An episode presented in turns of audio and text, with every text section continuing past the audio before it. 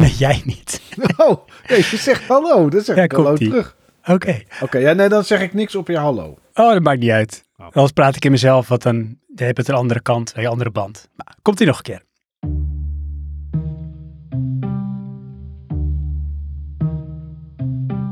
Hallo, lieve luisteraar. Ik eh, wil je iets vragen. Ah, laat ik ook gewoon jou, Mike, laat ik het jou ook gewoon vragen. Dus doe gewoon lekker mee met de lieve luisteraar. Oké. Wat is jouw oudste herinnering? Eh, waar ben je? Wat hoor je? Wat zie je? Hoe voel je je? Wie zijn er bij je? Wat voor kleren heb je aan? Denk dan eens goed over die herinnering na. Je hoeft nog geen antwoord te geven, Mike, maar denk er rustig over na. Jij ook, lieve luisteraar. Als er iets bij je opkomt, vraag je dan af: hoe betrouwbaar is deze herinnering? Een grote kans dat deze herinnering elke keer dat je eraan denkt, ietsje verandert. Subtiel, maar toch. Dat is wat ons brein doet met herinneringen. Dat is natuurlijk ook niet zo gek als je nagaat dat je zoveel dingen kunt en soms moet onthouden. Het menselijk brein is dan ook iets ingenieus, maar ook mysterieus. En lieve luisteraar, en Mike, sta nou eens stil bij het volgende. Wat nou als ik jou vertel dat ik je deze vraag 10 minuten geleden ook al gesteld heb? En dat jij deze vraag ook toen netjes hebt beantwoord? Zou je dat geloven? Nou, waarschijnlijk niet, want je kunt het je oprecht niet herinneren. Toch heb ik je deze vraag 10 minuten geleden exact op dezelfde manier gesteld. En heb jij antwoord gegeven op die vraag. Geloof je me niet? Wat nou als ik je toen, die eerste keer dat ik het je vroeg, gevraagd heb om jouw antwoord in te spreken op je telefoon als bewijs? En nu pak je dan je telefoon en je kijkt en je ziet een audiobericht. Wat vreemd is, want je kunt het je niet herinneren. En je speelt het audiobericht af en je hoort jezelf antwoord geven op precies dezelfde vraag. Wat is dit? Waarom kan ik me dit niet herinneren? Het antwoord dat je geeft is nagenoeg hetzelfde als dat je de tweede keer gaf. Maar er is een klein verschil. De kleur van de broek. Die is de tweede keer blauw en die was de eerste keer donkerblauw. En zoals ik al zei, subtiel, maar toch. Deze situatie, dit gevoel, deze angst, daarmee loopt onze hoofdrolspeler van de film die we deze week in de filmbreak bespreken rond. En ik heb het over misschien wel Christopher Nolan's beste film, Memento.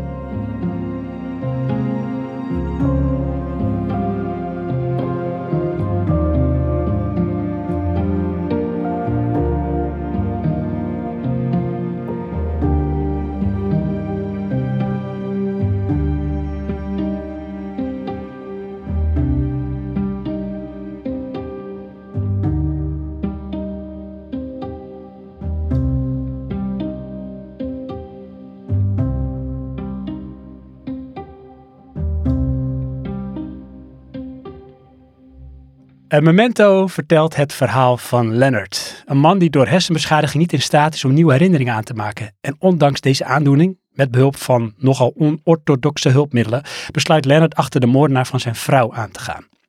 Een Memento die kwam uit in Nederland op 8 maart 2001 en duurt 1 uur en 53 minuten. Hij is geregisseerd door Christopher Nolan. Ehm, het verhaal is ooit geschreven als kort verhaal Memento Mori door zijn broer Jonathan Nolan. En later hebben ze samen dit uitgewerkt tot een eh, volwaardig screenplay. Cinematograaf is Wally, ehm, ga ik weer met die namen, Pfister denk ik, Wally Pfister. En eh, Wally Pfister die heeft ooit eens de kans gekregen om een film eh, ja, te cinematograferen, als je dat zo noemt, van Nolan. En die is toen blijven hangen. Die heeft praktisch alle films van Nolan gedaan. De muziek is van David Julian en heeft ook de muziek gedaan van onder andere Insomnia en The Prestige. Ook Nolan films, maar ook eh, Cabin in the Woods. Het budget van de film is 9 miljoen dollar geweest en hij bracht ruim 40 miljoen dollar op. De film werd uitgegeven in de bioscoop door New Market Capital Group en later op eh, Video 2 DVD door eh, Columbia TriStar Home. Ehm, Mike, en om maar met een soort met pun eh, te beginnen. Wat kon jij je nog herinneren van Memento? Want jij hebt hem natuurlijk ook eerder gezien. Zeker, ik heb deze film eh, best wel vaak gezien. Ik zou niet weten hoeveel, wat natuurlijk in dit geval grappig zou kunnen zijn. Maar ik denk dat ik hem toch wel een keer of tien heb gekeken ehm, sinds dat hij uit is. En ik kan me heel veel herinneren. Maar door de manier hoe de film is opgebouwd, zijn er toch elke keer weer dingen dat je denkt, oh ja, oh ja. Ja, En dat had ik ook. en daar komen we straks nog wel op. En dat is het allermooiste aan deze film. Ja, zeker weten. Want ja, de film doet iets. En ja, voor de mensen die de film kennen, want het is toch wel, vind ik, ja, misschien wel Nolans meest memorabele film hoor. Ehm, die weten natuurlijk hoe dat zit. Eh, voor de mensen die denken, ja, ik heb er wel eens van gehoord, maar ik ben er nooit aan begonnen. Of misschien, lief luisteraar, denk je, nou, ik heb geen idee welke film dit is, joh. Ja, dan moet je dit gaan beleven, zeg maar. Ja, ja dit is namelijk iets wat je gewoon, ja, je moet het beleven. Als je het gaat vertellen of je gaat het al enigszins uitleggen, dan is een deel van de fun is weg. En op, op een goed moment, dat is denk ik ook best wel snel, heb je wel een beetje door wat er gebeurt qua stijl van de film. Zonder dat je weet wat het verhaal misschien precies bedoelt of uh, betekent. En dan begint, het, uh, dan begint het plezier van het kijken. Mm -hmm. En ik had nu, want ik heb hem denk ik ook ondertussen door de jaren heen misschien ook wel een stuk of tien keer gezien, maar toch, hé, zat ik nu weer te kijken met een soort set frisse ogen. En had ik toch weer dat ik dacht, hè, even kijken hoor. Oh ja. En er zit dus iets in die film qua hoe het wordt verteld, waardoor het bij mij elke keer weer breekt van, oh ja, even kijken, oh ja, nee, oh ja, wacht, um, oh, uh, hè? Weet je wat dat? Ja. Ja, de film is eigenlijk een soort goede tijden, slechte tijden aflevering. Elke scène die eindigt eigenlijk met een cliffhanger. En dat ja. doen ze, dat doen ze eigenlijk ja. super goed. Ja. En doordat dat zo is, ben je gewoon um, heel erg nieuwsgierig hoe dingen nou in elkaar steken. Hoe, hoe zit dit nou? En het is nog niet eens verhaal technisch gezien, maar gewoon um, ja, door wat hij doet in deze film. Ja, uh, Christopher Nolan staat er onbekend in zijn films dat hij eigenlijk bepaalde thema's altijd terug laat komen. En een van de thema's, dat is denk ik wel het grootste overkoepelende thema in bijna al zijn films, is een obsessie met tijd. En ook hier is dat zo. Op verschillende uh, vlakken. Ja. En ik denk dat dat deze film ook zo bijzonder maakt, omdat ik geen andere film kent, ken die dat op deze manier heeft uitgewerkt. Ja, ik ken er één. En dat is de film die die hiervoor heeft gemaakt. Dat, dat is een film die doet eigenlijk precies hetzelfde. Alleen door, en dat is ook iets wat hij heel vaak doet, kleurstellingen gebruiken. Als je kijkt naar Tenet bijvoorbeeld, dan heb je gedeelte wat in het blauw afspeelt en een gedeelte wat in het oranje afspeelt. En in deze film heb je ook een verschil met kleur. Ja, following uh, trouwens heet Following, ja, of, of following inderdaad. Following, gewoon. Ja, ja, ja, ja. En bij Following, um, die film is geheel in zwart-wit. Dat doet hij hetzelfde trucje als wat hij in deze film ook doet. Alleen, uh, daar zorgt hij ervoor dat er een visueel aanknopingspunt is, waardoor je weet, oké, okay, we zitten hier of we zitten daar in het verhaal, zeg maar. Ja. Um, ja, dat is, dat is bij deze is dat een stuk makkelijker. Dat ja. is een stuk makkelijker om, uh, om daarachter te komen. Precies, het zorgt ook voor een bepaalde uh, arc en een structuur. Ja. En uh, dat is prettig, want dat geeft je houvast en dat heb je nodig in deze film. Zeker, want kijk, als je bijvoorbeeld, uh, als je Christopher Nolan kent en je hebt bijvoorbeeld gekeken naar Inception of naar Tenet, die we net zeiden, of Interstellar, dan moet je tijdens die film best wel goed opletten, omdat het verhaal en wat er gebeurt best wel ingewikkeld kan zijn. Ja. In theorie is het verhaal van deze film niet super ingewikkeld. Nee. Dat is heel makkelijk te begrijpen. Ja. Alleen door de opbouw van de film, ja, dan is het wel even een klein stukje lastiger. Ja, kijk, laten we zeggen, kijk, wat het leuke is, we zitten natuurlijk een beetje cryptisch te doen en mensen Ja, denken een van, wat beetje is om de dit hete nou? brei heen. Ja, en dat, dat moet ook, want zeker als je die film nog niet gezien hebt of heel lang geleden, uh, dan is dat gewoon te leuk om uh, te verklappen. Dus dat, um, je verklapt geen clue of zo, maar er zit gewoon iets met de manier van verhaalvertelling wat gewoon bijzonder en leuk is. En ja, als ik een metafoor moet gebruiken, dan zou ik zeggen, het is een soort Rubik's puzzel. En die zit niet op zijn plek. Jij moet hem gaan in elkaar gaan schuiven. Maar dat heeft daar, daardoor ook iets heel leuks. Want soms zie je in een scène zie je iets, valt iets op aan iemand. Uh, dan heeft iemand ineens iets. Bijvoorbeeld eh, Lenny, een van de... eh, nou ja, Lenny is Lennart trouwens. Zo, eh, Ja. zo noemt Ja, Teddy, noemt Lennart Lenny. ja we gaan zo ook nog wel even langs de personages en wie ze spelen. Want dat ben ik dus nog helemaal vergeten eigenlijk. Ah, maakt niet uit. Maar goed, Lennart, oftewel Lenny. Nee, eigenlijk andersom. Lenny, oftewel Lennart. Eh, waar hij overigens een hekel aan heeft. Aan de naam Lenny. En Ja. waarom, dat vertelt hij wel in de film. En Ja. eh, behoorlijk vaak ook Hm. vertelt hij dat. Ja. Want eh, nou ja, daarvoor speelde jij natuurlijk met gedachtes, eh, Sven. Eh, Ja. ja. Lennart heeft een bepaalde eh, conditie met zijn geheugen. Ja. En ehm, Dat kunnen we wel vertellen inderdaad. Ja, Dat hij maakt, in de- eh, hij maakt geen- geen nieuwe herinneringen Nee. meer aan. Nee, nee, nee. Hij heeft geen korte termijn geheugen meer. Als hij nu iets vertelt, of hem wordt nu iets verteld, dan is hij het over twee, drie minuten is hij het kwijt. Ja.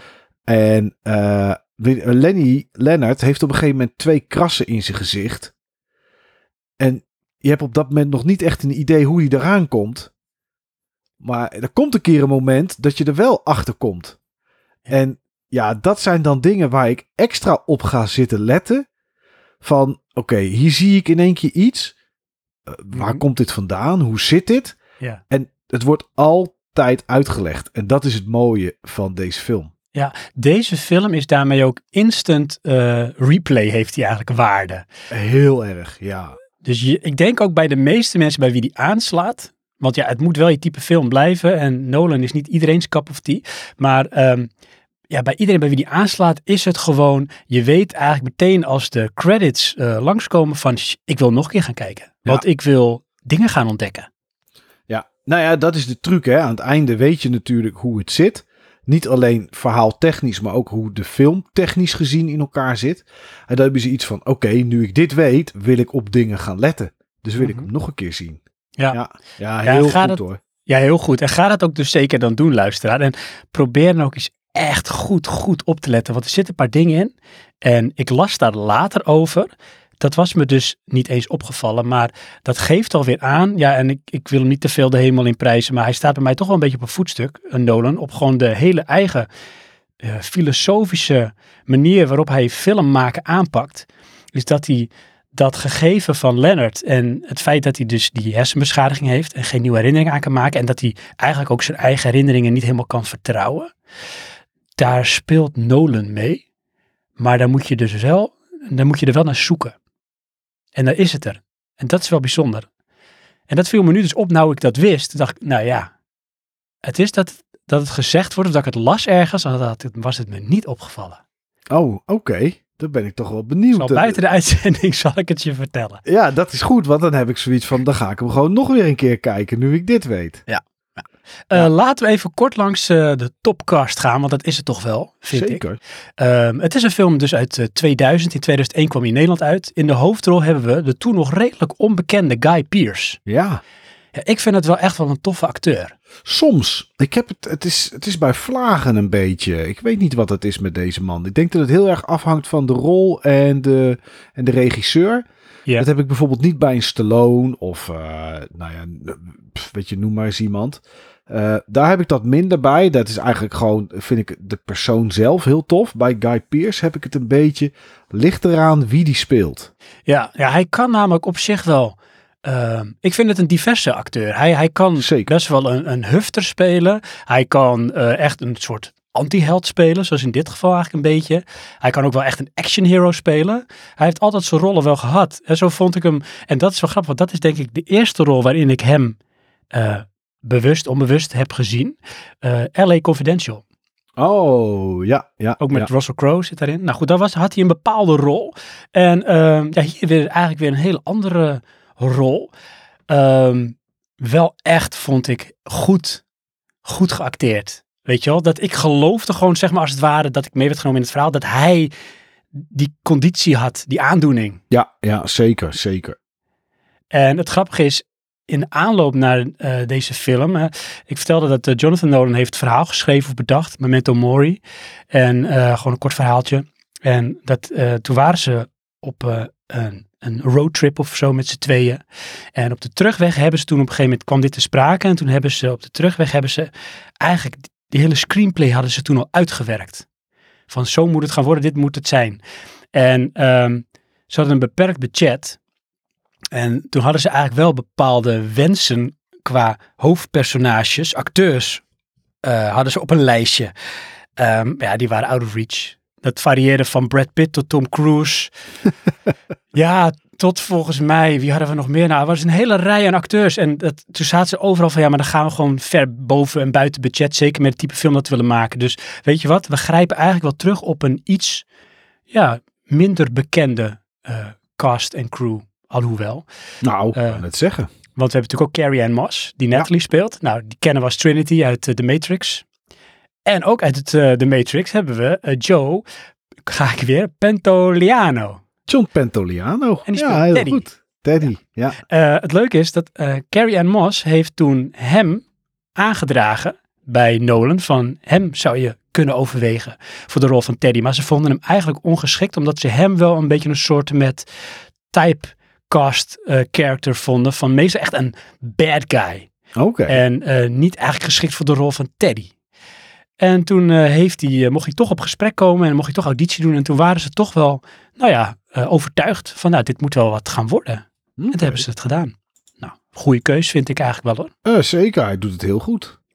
Ja, en verder ja, heb je niet heel veel bekende namen. We hebben Georgia Fox, die de vrouw van Leonard speelt. Die komt nou ja, ook op bepaalde momenten in, de, in het verhaal voor.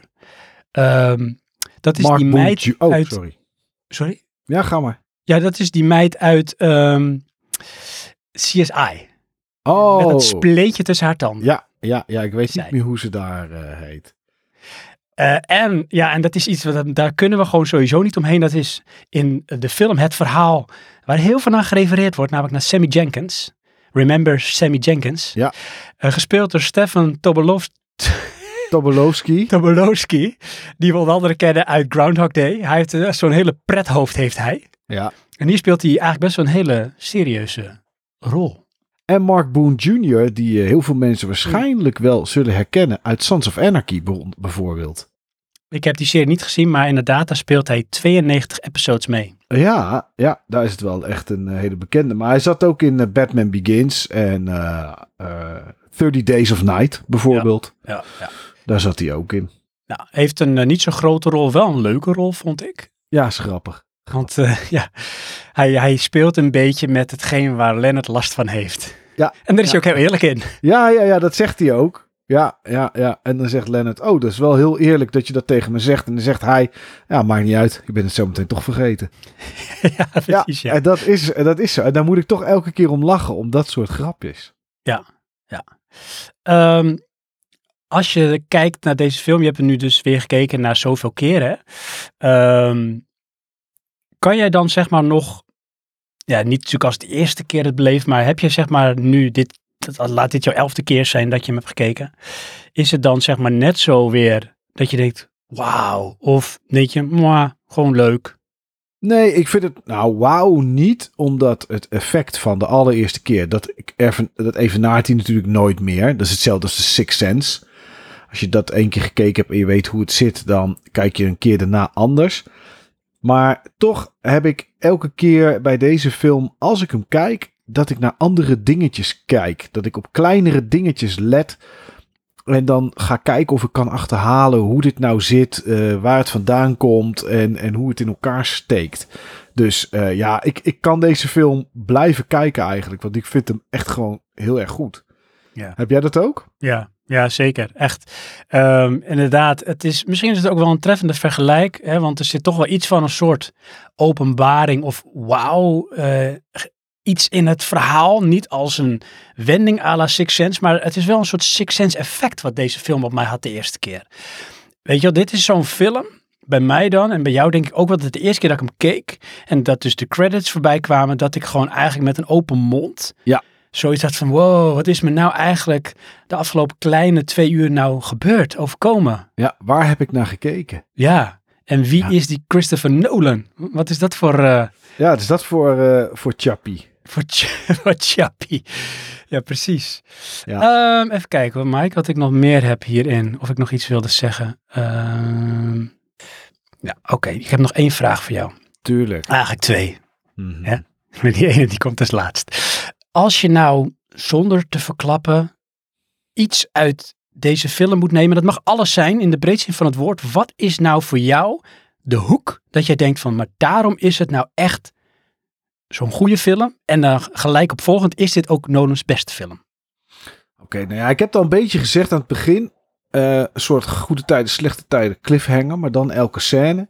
Ik denk dat dat voor mij echt hetgeen is dat deze film zo geweldig maakt. Het verhaal is niet bijster moeilijk of ingewikkeld of dat je daar uren over nadenkt. Alleen de manier waarop het verteld wordt is heel bijzonder.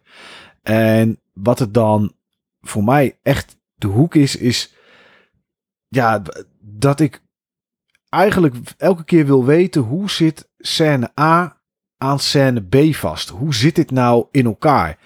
En je ziet iets, een scène begint en die eindigt. En een van die twee, zeg maar, die, ja, die heeft een koppeling naar weer een andere scène. En dan ben ik gewoon benieuwd, hoe komen we op het punt waar we nu zijn? Wat is daaraan vooraf gegaan? En ik denk dat dat voor mij de grootste hoek is van deze film. Hmm. Ja, nou, dat vind ik uh, mooi omschreven. Ja, klopt dat voor jou ook? Of heb jij totaal iets anders? Um, nee, het is dat. Het is dat. Het is zeg maar um, de, de puzzeltocht of de, hetgeen waar Nolan je mee uitdaagt. En dat is dat wat je zegt van hoe zitten de dingen aan elkaar verweven en verbonden? Ja. Hoe zitten die scènes en de gevolgen en de acties en dingen? Hoe, sowieso, hoe zit het met elkaar verbonden en hoe verzin je dit? hoe ja. verzin je dit? Ja, en is het de beste Nolan film? Nee, dat denk ik niet. Het is wel de beste Nolan film. Dat is niet heel moeilijk, want hierna ging die man natuurlijk uh, steeds grotere projecten doen. Maar ik vind het wel knap dat met het budget en de middelen die hij heeft gebruikt voor deze film, dat hij zoiets bijzonders neer kan zetten. Kijk, voor mij is nog steeds de allerbeste Nolan film, vind ik nog steeds Inception. Uh, maar daar is natuurlijk ja, bakken met geld tegenaan gegooid. En misschien is dit dan wel de beste film, omdat hij hier met heel weinig, puur met verhaal vertellen en de manier waarop, um, iets neer kan zetten wat net zo wow is als dat Inception dat is. Ja, ja Exception heeft, Exception, Inception ja. heeft als Exception ontzettend meer budget en heel veel spektakel. Ja.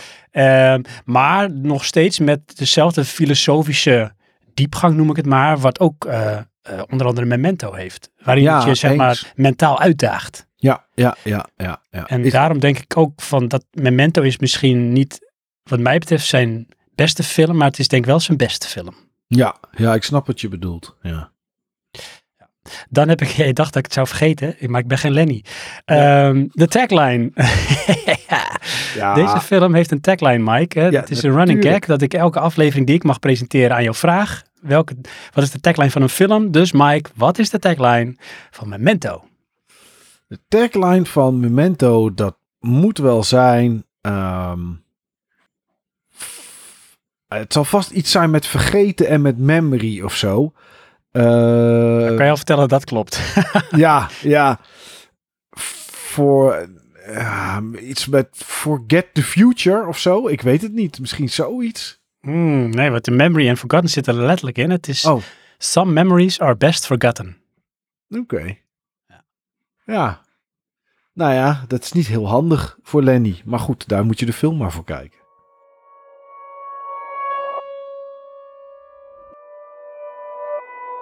Z-I-X-W-V-U-T S-R-Q-P-O-N-M-L-K J-I-H-G-F-E-D C-B-A